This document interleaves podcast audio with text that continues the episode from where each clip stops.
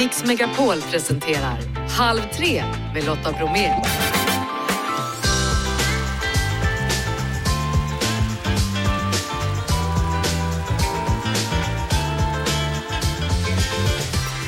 Hallå där och varmt välkommen in i Halv tre-studion. I dagens torsdagsmix, Guldmunken.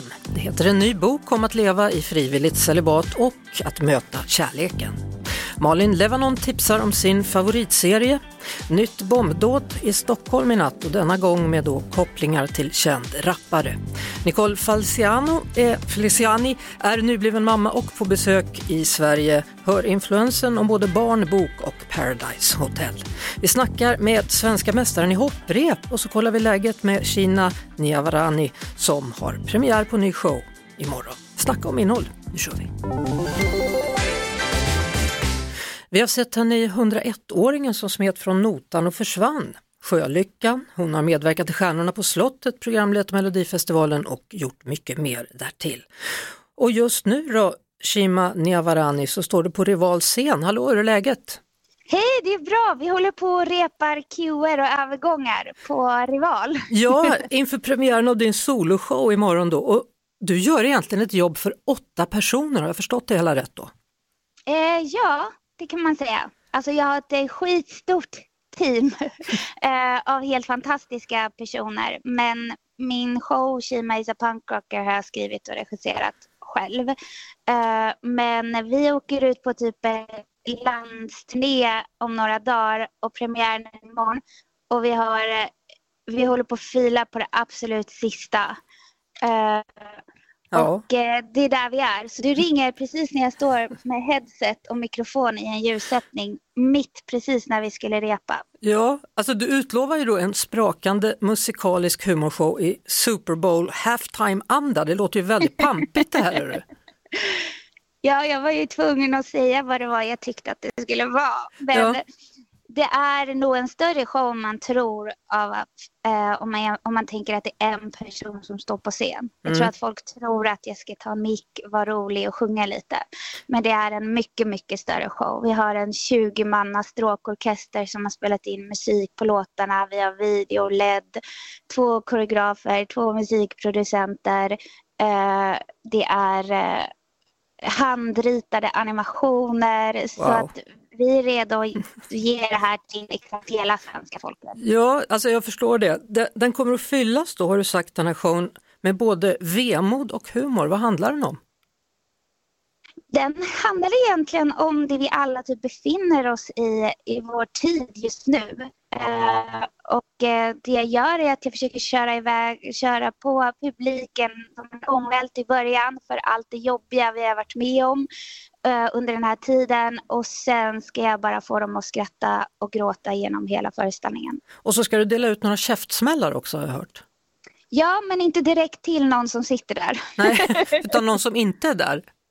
Eh, nej, man nej. kan väl säga att det har att göra med, med vår tid och ja, någon som folk som inte sitter där. Ja. ja. Och om man nu mot förmodan inte skulle känna sig upprymd av din show då, så utlovar du plåster på såret. Ja, det, ja, men då kan man få pengarna tillbaka, absolut. Eh, jaha, jag trodde det var att man skulle inkassera en kram av valfri person på produktionsbolaget, så trodde jag det var. Eh, ja, Eh, det är producenten som tycker att man ska inkassera en kram. Jag ja. tycker bara att det finns ingen anledning att inkassera den där kramen. Mm. Men eh, vi får se. Ja, hörru du, Kina is a punk rocker. Shima is a punk rocker heter din show. Hur mycket punk är du? Eh, punk på det sättet som att en riktig punk. Eh, men kanske det är inte så mycket punkmusik, det är ingen hyllning till punken. Det är väldigt mycket show och pampigt och stråkar och syntar och beats. Mm. Men jag är nog punk på det sättet när man gör saker själv liksom man bara gör det. Uh, och att punken är ju typ så här, som en liten protest och det funkar ju bra med den här showen. Mm. Man gör istället för att fråga om lov, så kan man kanske sammanfatta det. Eh, vad sa du, en gång till? Att man gör istället för att fråga om lov, kanske man kan sammanfatta det. Exakt. Ja. Exakt. Du, vi avslutar och så slungar vi dig tillbaka till din tid som tonårig gott då i Upplands Väsby och lyssnar på låten som ligger till grund för namnet på din show. Ja, ja, det kan vi göra. Hoppas det går bra nu och ha så kul på turnén så småningom. Tack snälla, jag längtar. Tack så mycket, uh, Shima Nia Varani. Hej då! Ha det så bra, hej då! Halv tre med Lotta Bromé på Mix Megapol. Carl Cederström är aktuell med boken Guldmunken, en kärlekshistoria som kommer ut imorgon. Välkommen hit! Tusen tack! Jag tror vi måste reda ut vad en guldmunk är, för jag tror inte alla vet. Nej, och det visste inte jag heller för bara några år sedan. Det var en vän till mig som eh, undrade hur länge sedan det var som jag hade legat och så frågade jag varför. Så sa hon att eh, om du inte har legat på tre månader så kan du titulera dig kopparmunk. Efter sex månader eh, silvermunk och sen efter ett år guldmunk. Jaha, och om man är nio månader då vet man inte, det bara är... Då vet man inte. Nej, då är man konstig metall. Jaha, incels har det pratats om på senare år, men det är absolut inte samma sak, för då är man i ofrivilligt celibat. Mm. Att bli guldmunk, betyder det att man väljer att avstå från sex själv? Det vet jag faktiskt inte. Det är bara en sån här liten roligt ord som dök upp eh, längs vägens gång. Och det här med att jag inte låg på ett år var ingenting som jag fäste särskilt stor uppmärksamhet eller vikt vid. Men det var omgivningen som tyckte att det var märkligt att efter en skilsmässa inte ge sig ut på stan och gå på Tinder-dejter utan istället stanna hemma och eh, se till att det är ordning och reda i hemmet med genomskinliga lådor med etiketter och ägna sig åt barnen. Det var någonting i det valet som många höjde på ögonbrynen över. Så det är lite samma när man väljer att inte dricka alkohol så, så blir det konstigt? Nej, det tycker folk är jättebra. Och, och inte dricka alkohol? Ja, det är väl otroligt modernt. Okej, okay. har, vi har nog olika människor vi umgås med. Men i alla fall, eh, alltså fick du tacka nej då till många som försökte stöta på dig mitt i det här? Eller? Nej, men det handlar inte om att jag var tvungen att säga nej till så mycket, utan det var ju mer att eh, om vänner sa jag skulle vilja att eh, du träffar en kompis, så jag absolut inte. Jag tror att det var den här slutenheten och det var inte heller egentligen ett celibat som handlade om att jag inte ville ha sex. Det var ett celibat som handlade om att jag inte ville ha relationer och jag vill inte ha relationer för att jag vill inte ha stök. Så det var det det handlade om. Det handlade om att komma ut ur en skilsmässa som är stökigt. Mm. Det är det alltid. Och vilja ha rent och prydligt och ordnat.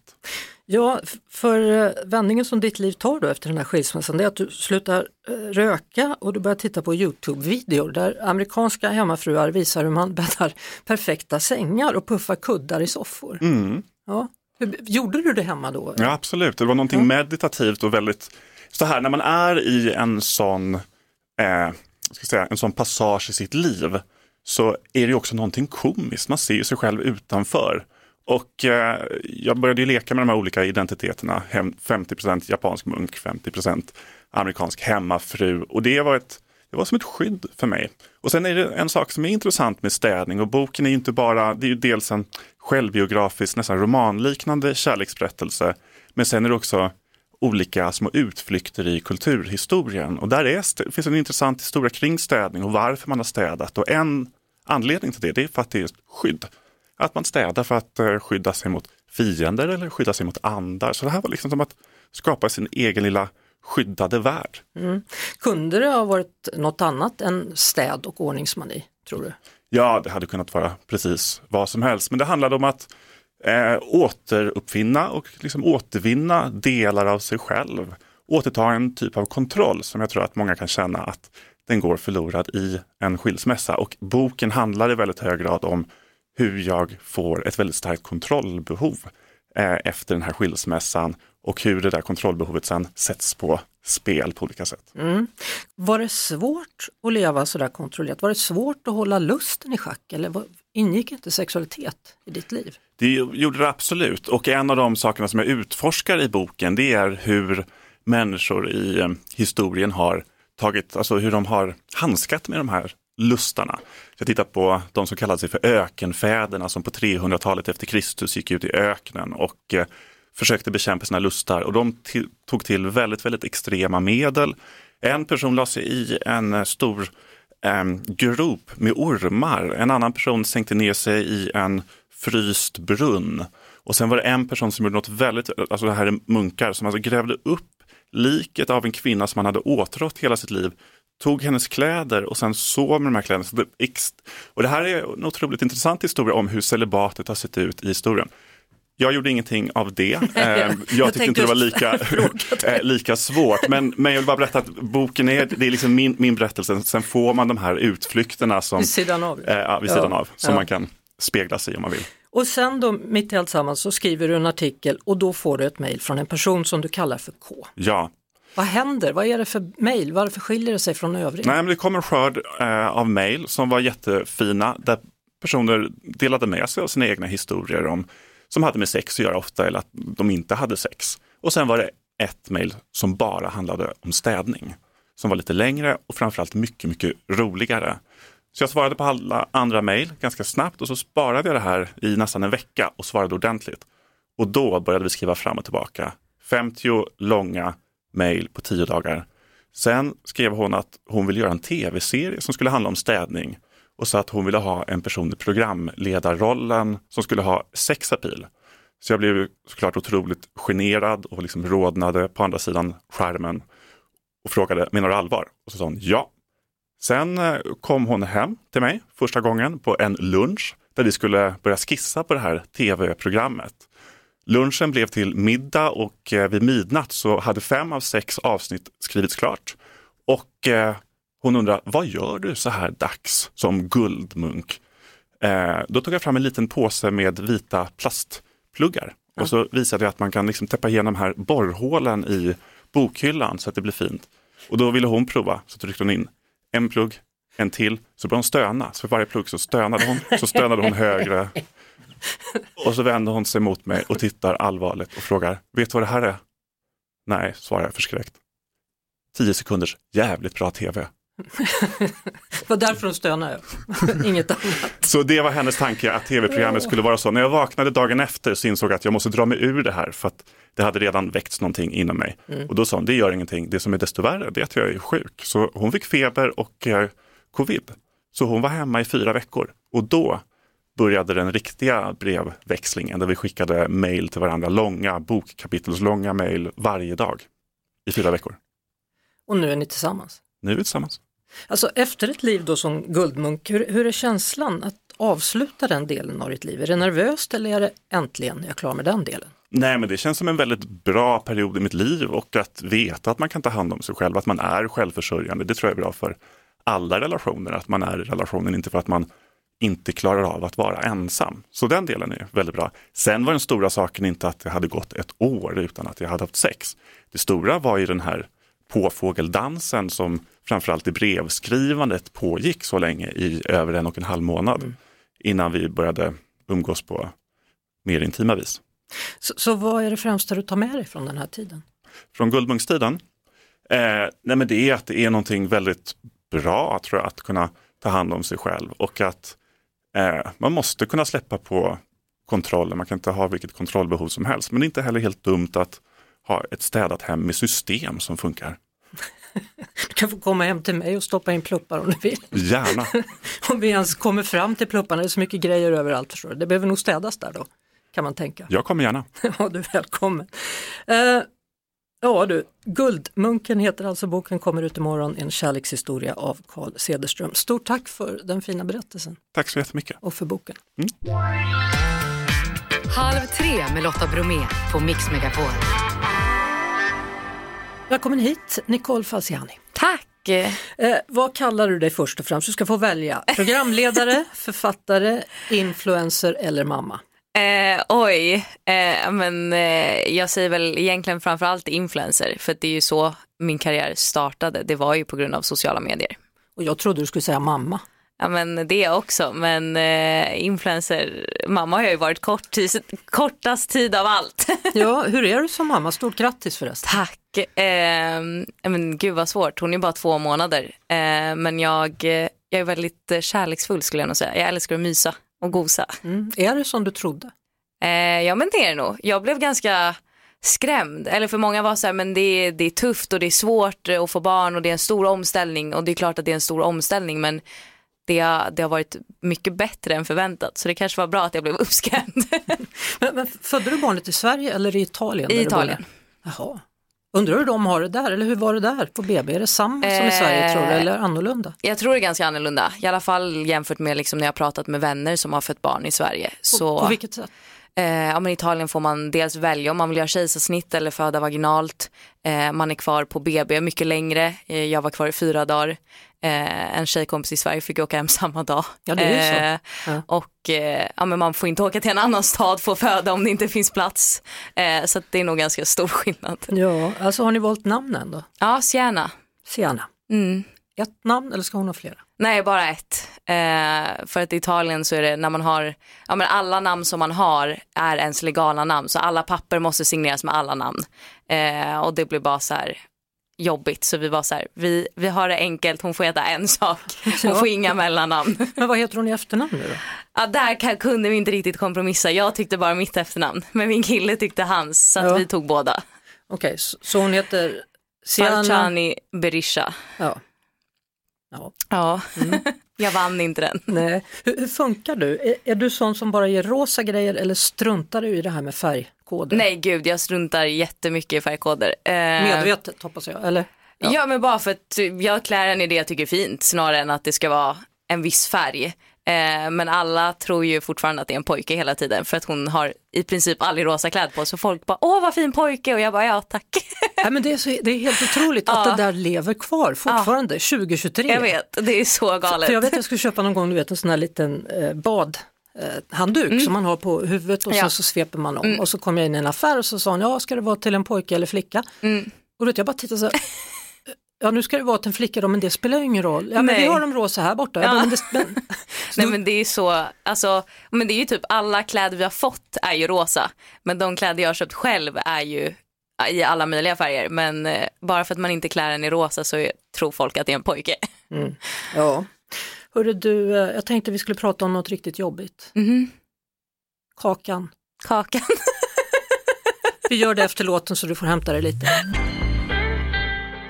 Kakan sa jag och då visste du direkt vad jag pratade om. Du är nämligen med i eh, den här omgången då av Hela kändis-Sverige bakar. Ja, Ja, ska vi ta tag i det? det kan vi göra. Snälla du, en kaka som inte blir lyckad är inte hela världen, försökte Tina Nordström. Mm, och där men- stod du och var sur så in i den. Nej men, för, eh, för det första, jag var ju gravid. Vilket ingen visste, för jag var gravid i typ vecka åtta. Så det var ju väldigt mycket hormoner och känslor.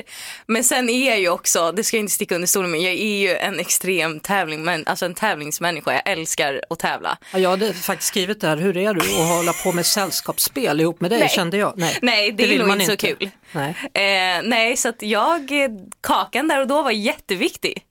Det var så när Tina bara, men det är bara en kaka. Man bara, ja, men det är mer än bara en kaka just nu. Ja, man kan inte bli ledsen. Inte så här ledsen för en kaka, men det kunde man. det kunde man ju uppenbarligen. Du och Alexandra Nilsson då som säger att hon var besviken för att ni ville ju inte åka ut först. Nej, vi ville ju inte det. Och så gjorde vi det ändå. Ja, Men jag är ju mycket bra på annat. ja. Inte på att baka kanske. Nej, jag är inte bra på att baka heller. Men, men har, du, har du analyserat vad var det som gick fel med kakan? Eh, nej men ett så eh, var det ju att jag tror att vi skulle valt att göra en annan typ av kaka. Vi valde ju en browniekaka som ju ska vara lite eh, lös. Men den blev lite för Den var lös. lös, ja. eh, så den, kanske en sockerkaksbotten hade väl varit ett bättre val. Det roligaste är när man ser artikeln i kvällstidningen så här, vi har sökt Nicole Falciano för att prata om tårtan eller kakan. Ja. Ja, Fast jag här står kände jag och pratar så att Men det, fan, jag kände så här, vad, vad ska jag säga? Ja, jag blev jättebesviken. Mm. Eh, och det var, just där och då var det ju mer än en kaka liksom. Det var på liv och var död. det. Du, för några år sedan så, så eh, gav du ut en, en bok som heter Du ser ju inte sjuk ut. Mm. Berätta om den. Eh, nej, men jag har ju haft barnreumatism sedan jag var sex eh, och eh, har alltid pratat öppet om det på mina sociala kanaler. Men det är liksom det, det klassiska som jag alltid får höra är ju men du ser ju inte sjuk ut bara för att det inte syns utanpå och att det för min del också har varit, det är klart att det absolut är skönt att min sjukdom inte syns för att man behöver liksom inte alltid förklara då. Men det är ju också jobbigt för att då antar folk att man är frisk och mår bra liksom. Hur, hur funkar den sjukdomen? Kommer den i skov? Ja. Eller? Så att eh, vissa perioder mår jag ju alltså jättebra och är symptomfri och sen har jag ju vissa perioder som är jättedåliga. Eh, och det är väl det som är svårt också för att men det är ofta en sjukdom som drabbar äldre och då blir det också så här, jaha men då brukar folk säga men det är bara gamla tanter och gubbar som kan få det. Och så jag sa nej, det är, det är fler än så. Mm. Eh, så att då valde jag att skriva boken för att eh, även om man kanske inte har reumatism så är det ju så otroligt många som har någon annan form av kronisk sjukdom som inte syns. Mm. Alltså, hur hanterar du det då? Alltså jag tror för min del att jag har haft det så himla länge att jag vet inget annat. Alltså i och med att jag blev sjuk när jag var sex så var jag så himla liten att jag vet inte hur ett liv som, alltså inom situationstecken frisk är. Eh, så att jag tror bara att hur, hur, visar det sig? Är det bara verk eller är det att man inte kan gå? Eller hur? Eh, för mig har det varit mest verk. Eh, men i vissa perioder när det har varit riktigt dåligt så har det också varit att jag inte har kunnat gå längre sträckor, att jag har svårt att ta mig upp ur sängen på morgonen. Men för mig är det främst verken. Mm. Ja, och den har du lärt dig att leva med? Ja. ja. Och ont i hjärtat har du också lärt dig att leva med? Ja. Nu tänker jag på det när du berättade att du, du gick till psykolog för att komma ur den gamla mm. relationen. Mm. Ja. Eh, Erik Sade var det som mm. du var tillsammans med och ni skulle gifta er mm. och sen så bara så försvann den drömmen. Ja. Så det måste ju varit bedrövligt, måste ju gjort ont. Ja, gud ja. Alltså där och då var det ju, alltså, och det tror jag alla som har varit hjärtekrossade vet, att det känns ju som att man ska dö. Alltså att man är så här, men ja, jag är den första som kommer dö av ett brustet hjärta. Men det är också det sista man vill höra när man är hjärtekrossad, men allt blir ju bättre. Allt blir ju bra till slut. Eh, men när man är mitt i den sorgen så är det ju det, är ju det sista man vill höra. Men det stämmer ju. Men, men ni hade verkligen planerat, det var klart för bröllop och allting? Ja, det var det. Och vad man skulle äta och hur ni skulle se ut? Ja. Och, ja. ja, det är ju bedrövligt. Ja. Jag vet inte vad jag ska använda för ord, alltså, men det är för jävligt kan man också säga. Ja. Jaha, så hur lång tid tog det att, att, att kravla sig upp efter en sån grej? Eh, svårt att säga liksom en, en, tidsperiod för det var ju också så upp och ner. Vissa dagar kändes ju absolut bättre, vissa dagar var sämre. Men allt som allt skulle jag väl säga i alla fall liksom att tills jag kände att så här, nej men gud det här är okej okay och det är inget jag tänker på. Mm. Eh, så skulle jag nog ändå säga eh, ett år. Och nu har du Adem Berisha. Ja. Mm. Ska ni gifta er eller är ni gifta? Nej, eh, nej vi är inte gifta. Eh, Vågar du planera ett bröllop eller tar du det lite lugnt? Nej men jag tänker nu har vi barn ihop ja. så då kan man väl gifta sig också. Förmodligen om man inte har stuckit vid barn så sticker han väl inte vid giftermål. Jag tror inte det va? jag tror inte heller det. Nej. Du bor ju numera i Rom och jag var tvungen bara, och jag vill delge lyssnarna det också. Din chock när du går in och handlar mat i Sverige? Ja. Efter några månader. Så himla dyrt. det är faktiskt helt, speciellt grönsaker. Mm. Det är så dyrt med grönsaker i Sverige. Ja. Att man bara, wow. mm. Det är det. Hur mycket, hur mycket tomater skulle du få för 99 kronor i, i Rom tror du? Alltså jag skulle nog tippa på i alla fall ett och ett halvt kilo. Ja, så kan det vara. Du, nu på måndag är det premiär för Paradise Hotel mm. säsong 15 ja. som skulle ha sänts 2021 mm. men efter anklagelser då om sexuella övergrepp så eh, valde man att inte visa den här serien och nu är det då premiär igen. V vad känner du inför att det ska visas nu på en kanal som heter Pluto?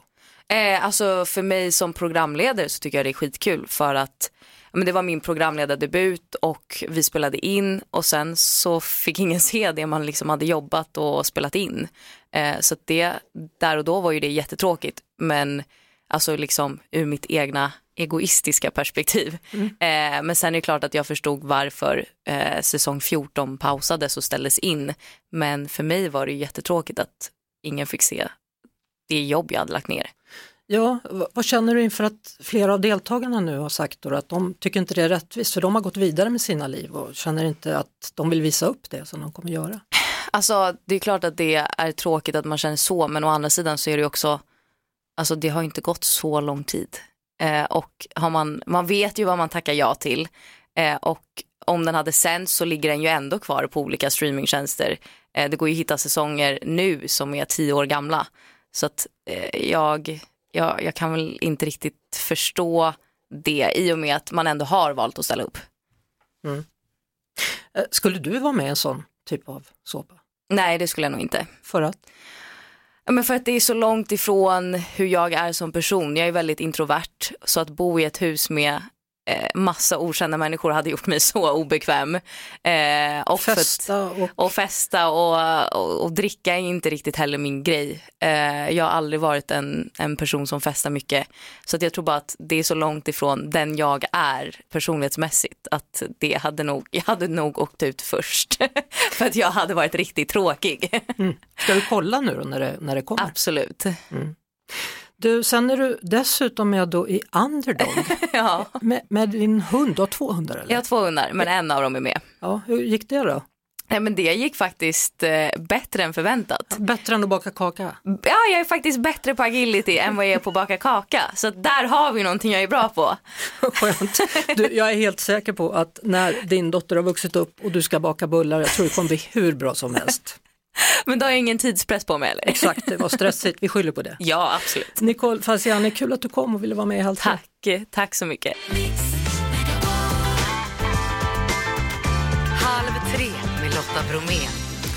Efter fyra så ska vi prata med svenska mästaren i hopprep. Själv har jag inte hoppat på ett bra tag då så jag tänkte kolla med er lyssnare om jag var ensam om det och det var faktiskt blandade svar. Eh, någon hoppade för bara två dagar sedan, någon annan hoppade idag och någon annan hade inte hoppat på 12 till 14 år. Alldeles strax Patrik, för honom var det mycket längre sedan. Hallå Patrik Jansson! Tjena Lotta, hur är det? Jo det är bra, hur är det med dig? Jo, det är bara bra. Det är vår, vårkänsla här och soligt och tre plusgrader i, i Gävle så att det är kan... bara bra. Ja, jag förstår det. 20-30 år sedan du hoppade, var det så? Jajamän. Hur var det?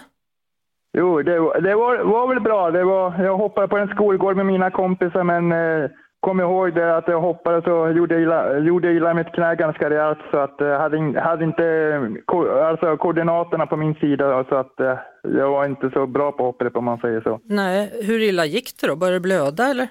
Jag, började, jag fick ju åka in till sjukhuset för jag fick oj, smuts i såret så att, men det, det, gick bra i alla fall. Jaha. Inga sprutor? Nej. Nej, det var ju skönt. Eh, ja. Du flyttar tydligen till Gävle för kärlekens skull. Hoppar hon någonting?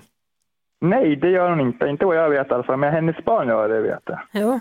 Du, jag ska ju prata med svenska mästaren i hopprep här efter fyra. Tycker du att jag ska fråga honom något ifall du är sugen på att börja igen eller? Eh, ja, eh, fråga hur, hur, han, hur han kan vara, vara så himla bra att han läser hur han ska hoppa och sådana där saker, för jag brukar alltid snubbla. Nej, det är svårt ja, precis. Ja. ja. Det har väl att göra med fotarbete på något vis där Patrik? Ja. ja. Tack för att du hörde av dig och eh, hälsa i Gävle. Det ska jag Jag lyssnar alltid på dig Lotta. Ja, vad härligt. Tack så mycket. Podplay. Ni vet när det bara händer. När man sitter i ett samtal med någon och det blir ett sånt där möte. Oavsett om det handlar om glada saker. Att få skriva och lära känna en människa i text och ord. Jag är väldigt förälskad. Eller att man möts i det svåra. Och så bara, förlåt. Jag älskar dig så mycket. Du är det bästa jag har. Jag, jag visste inte bättre. Ja, det var det största ögonblicket i mitt liv. Eller när man får reda på något om det man pratar med som man inte visste. Eh, jag minns din pappa faktiskt. Gör du? Ja, det gör När videon kom och gjorde sitt inträde. Ja, jo då. Kommer du ihåg när han så väl? Ja, jag minns, jag minns hans röst. Jag minns, eh, ja. jag upplevde honom som väldigt lång. Han var lång? Han var lång. Han var en bra man. Mm, mycket. Jag heter Lotta Bromé och jag älskar att försöka förstå, prata med eller lyssna på andra människor. Gud vad du var spot on när du frågade. Det var som att det bara kom en pil rakt in i hjärtat. och det är en lyx som jag gärna delar med mig av. Det är inte deras skyldighet att förstå samhället, det är samhällets skyldighet att förstå dem. Du är varmt välkommen till podden Vem snackar med Lotta? En podd med lite mer och extra allt. Premiär 15 mars. Du hittar podden Vem snackar med Lotta på podplay.se eller i appen Podplay. Podplay, en del av Power Media. I natt så detonerade en bomb i västra Stockholm. Detta är ett radhusområde och bostaden tillhör en anhörig då till en person som kopplas till den kurdiske räven. Välkommen till eh, Halv tre, Fredrik Sjöshult, kriminalreporter och krönikör från Expressen. Tack så mycket. De här gängkonflikterna de pågår ju alltjämt då. Vad är egentligen status i gängkonflikten i Stockholm just nu? status är ju att det har blivit någon slags eh, omstart i gängkonflikten sedan några veckor tillbaka. Och sen ska man väl också säga att det är flera pågående gängkonflikter som har blossat upp på olika håll. Så det är fortsatta mord, det är fortsatta allvarliga bombdåd som vi ser. I rapporteringen har det då nämnts att det var riktat mot en rappare som är kopplad till den här kurdiska räven. Vad har musik och artister, vad har de för betydelse för gängkonflikter eller i gängkonflikterna?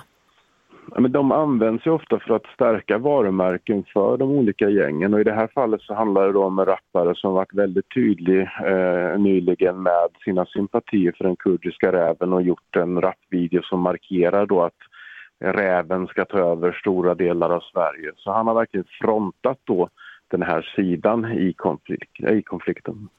Vad betyder det? Betyder det att polisen förhör en sån rappare till exempel när man hör den låten, eller? Det är svårt, att, alltså raptexter som sådana kan man inte, kan man inte hävda är kriminella på något sätt och inte direkt uppmana till brott. Så det här är ju lite gränslandet då för, för vilken, när det blir brottsligt så att säga, men det är klart att han att på något sätt involvera sig i en pågående gängkonflikt. Men, men att det sen är kriminellt, det går inte, det går inte att gripa dem för att de har kommit ut med en rapplåt. Återigen så är det då anhöriga som drabbas. Alltså vad får det för effekt i konflikten? Vi har ju talat om det här tidigare. Uppnår man verkligen det man vill med den här typen av aktioner? Det är uppenbarligen så att man går ju på familjer som måltavlor i de här gängkonflikterna nu och det är väl en förklaring kan ju vara att många av de som är ledande sitter utomlands, de är inte i Sverige, de fjärrstyr de här gängkrigen. Eh, och då har man inget annat val än att gå på de, eh, de som är då familj eller anhöriga eller om man har företagskontakter och så vidare. Men sen handlar det också om att skrämma de här, att, att få dem att sluta, att det, blir en pågående maktkamp och då slår man mot familjer vilket såklart ibland det är ju fruktansvärt att, att eh, en familj blir drabbad borde det kanske då göra att man liksom börjar tänka efter en gång till vad man är involverad i för konflikt. Ja, och i det här fallet då, så detonerade en bomb i ett radhusområde och det finns säkerligen flera familjer i det området som inte har ett dugg med det här att göra. Nej, och det var ju en fruktansvärd förödelse i Hässelby. Man ser ju på tv-bilderna och på bilderna från platsen hur eh, husväggar har flyttats och tak har blåst av och så vidare. och så vidare. Jag är inte byggnadstekniker men det känns som att en del av, av de här husen där fallfärdiga. Det, det, det, känns ju då som att det är fruktansvärt så familjer som bor runt omkring som, som blivit av med sina bostäder. Och man har läst här om, om familjer som, som fick räkna ihop sina barn här under natten för att man var orolig för att någon var kvar eller någon hade blivit skadad och så vidare. Så det, här, det här visar hur vansinnigt det här är med de här bombdåden. För de här ofta unga pojkarna då som placerar ut de här bomberna, de har såklart ingen aning om vilken sprängverkan en sån här bomb har hur stor skada den ställer till med på, på en sån här plats. De har, de har inga, inget av de kunskaperna. Det här var då en av de kraftigare bomberna som har detonerat. Tack så mycket Fredrik Sjöshult, kriminalreporter och krönikör från Expressen.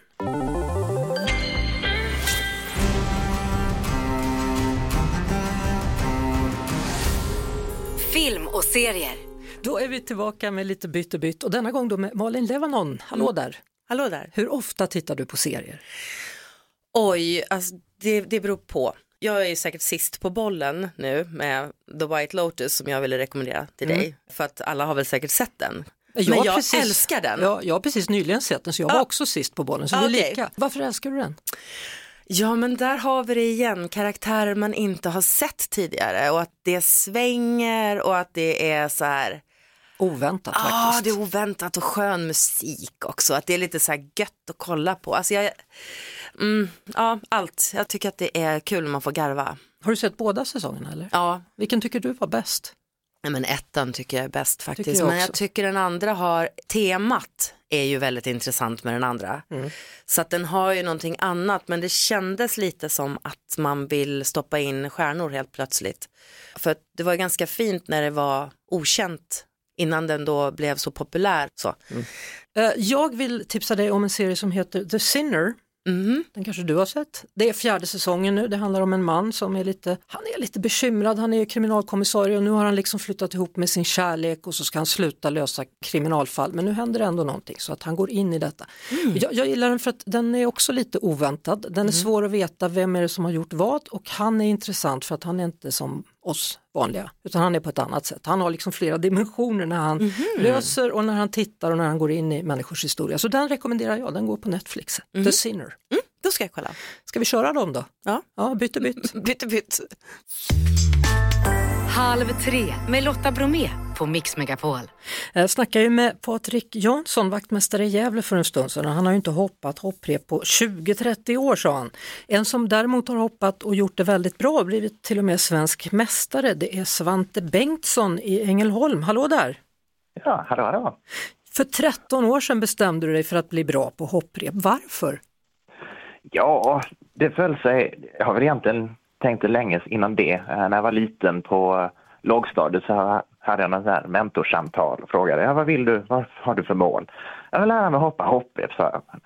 Läraren satt ju där liksom, ja, det var kanske inte det jag tänkte, men vi skriver upp det. Och sen kom det sig att min lillasyster som gick på gymnastik eh, hade uppvisning där precis när de börjat en grupp i föreningen. Och då satt jag i publiken och tittade och sa att där ska jag vara med. Och sen, sen blev det på den vägen. Sen blev det så. Har du träffat den här mentorn och sagt, se, jag fick rätt? Ja, jag har stött på honom ibland. Han har också eh, små eh, barn nu som är i föreningen på mm. gympan så att eh, vi ja, stöter ja. på varandra ibland. Men du, man undrar hur tävlar man i hopprep? Handlar det om flest studsar eller handlar det om flest hopp eller vad är det? Ja, det är en kombination av båda, man väger ihop i en rad. Så det är några grenar som är sådana här snabbhetsgrenar, flest hopp på tid. Uh, individuella så har man 30 sekunder och sen en uthållighetsgren på tre minuter. Och sen har man en gren som är en freestyle där man sätter ihop olika trick och uh, grejer till musik. Mm. Så koordinerar något litet program. Där. Så hur mycket tränar du? Oh, vi tränar väl en tre, fyra gånger i veckan kanske. Ja, och en timme åt gången eller ännu längre? Det brukar vara runt två. Det är ganska lagom. Det är ganska mycket kon, kon, kondition och koordination så att det, ja. tar ju. Alltså, jag tycker man, man, ser ju ofta boxare du vet i sådana här boxningsfilmer, då står de ju alltid och hoppar rep. Liksom. Man tycker att det är så otroligt coolt för de kan hoppa så fort och jag antar att mm. du är likadan. Ja det är väl vår uppvärmning, sen börjar vi på riktigt. ja, och vad händer då när ni börjar på riktigt? Då vi eh, får in alla de här konstigheterna, vi hoppar på händer och på i armhävningsställning och oh, vissa volter och allt möjligt. Jaha. Alltså vad, vad, vad är den bästa hopprepet då? Vajer, plast, plast eller gummi? Oh, det är ju nästan sådär hur långt ett snöre, men det, det beror lite på gren. Ett eh, plastrep är ju bra när man gör de här freestyle-tricken och ska mer konstla till det. Men mm. eh, snabbhetsgrenarna, då vill man kunna krypa ihop och ha det så snabbt, snabbt som möjligt, men eh, stålvajer ofta. Eh, Eh, Patrik då Jansson som jag pratade med förut, han är vaktmästare i Gävle, han har ju inte vågat hoppa nu på 20-30 år så han, för att han hade ramlat och slått sig på knät. Och han undrar, Jaha. vad är ditt bästa tips för att han inte ska liksom snurra ihop fötterna med repet? Oh, ja, det gäller ju att ta det lugnt bara, sen är det bara att försöka, att man ger sig ungefär. Uh, om man tar det, ja men tar man det lugnt till att börja med så, så funkar det. Visst, man missar, men uh, man trillar ju förhoppningsvis inte. Nej, Nej han, har, han har ramlat en gång. du kommer inte ramla nästa gång, det kan vi säga Patrik.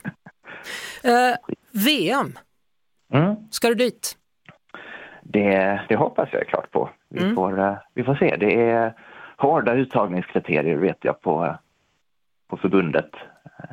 Mm. Det vägs ihop på eh, historiska resultat och på internationella nivån och hela den biten. Så vi får se hur långt det räcker helt enkelt. Ja, det är tydligen 300-400 pers som håller på och hoppar hopprep i Sverige. Mm. Men ni behöver bli fler inte, eller? Ja, vi är inte jättestor sport och det, det är klart en utmaning att växa. Eh, det, det är svårt. Allting börjar med föreningarna på något sätt. Ja. Det ska finnas någonstans att vara. Ja. Eh, jag önskar dig lycka till då och så hoppas vi att det blir av det här med VM då i USA så småningom. Svante Bengtsson. Ja, tack. Ja. Tack så mycket. Hörrni, det är slut för idag.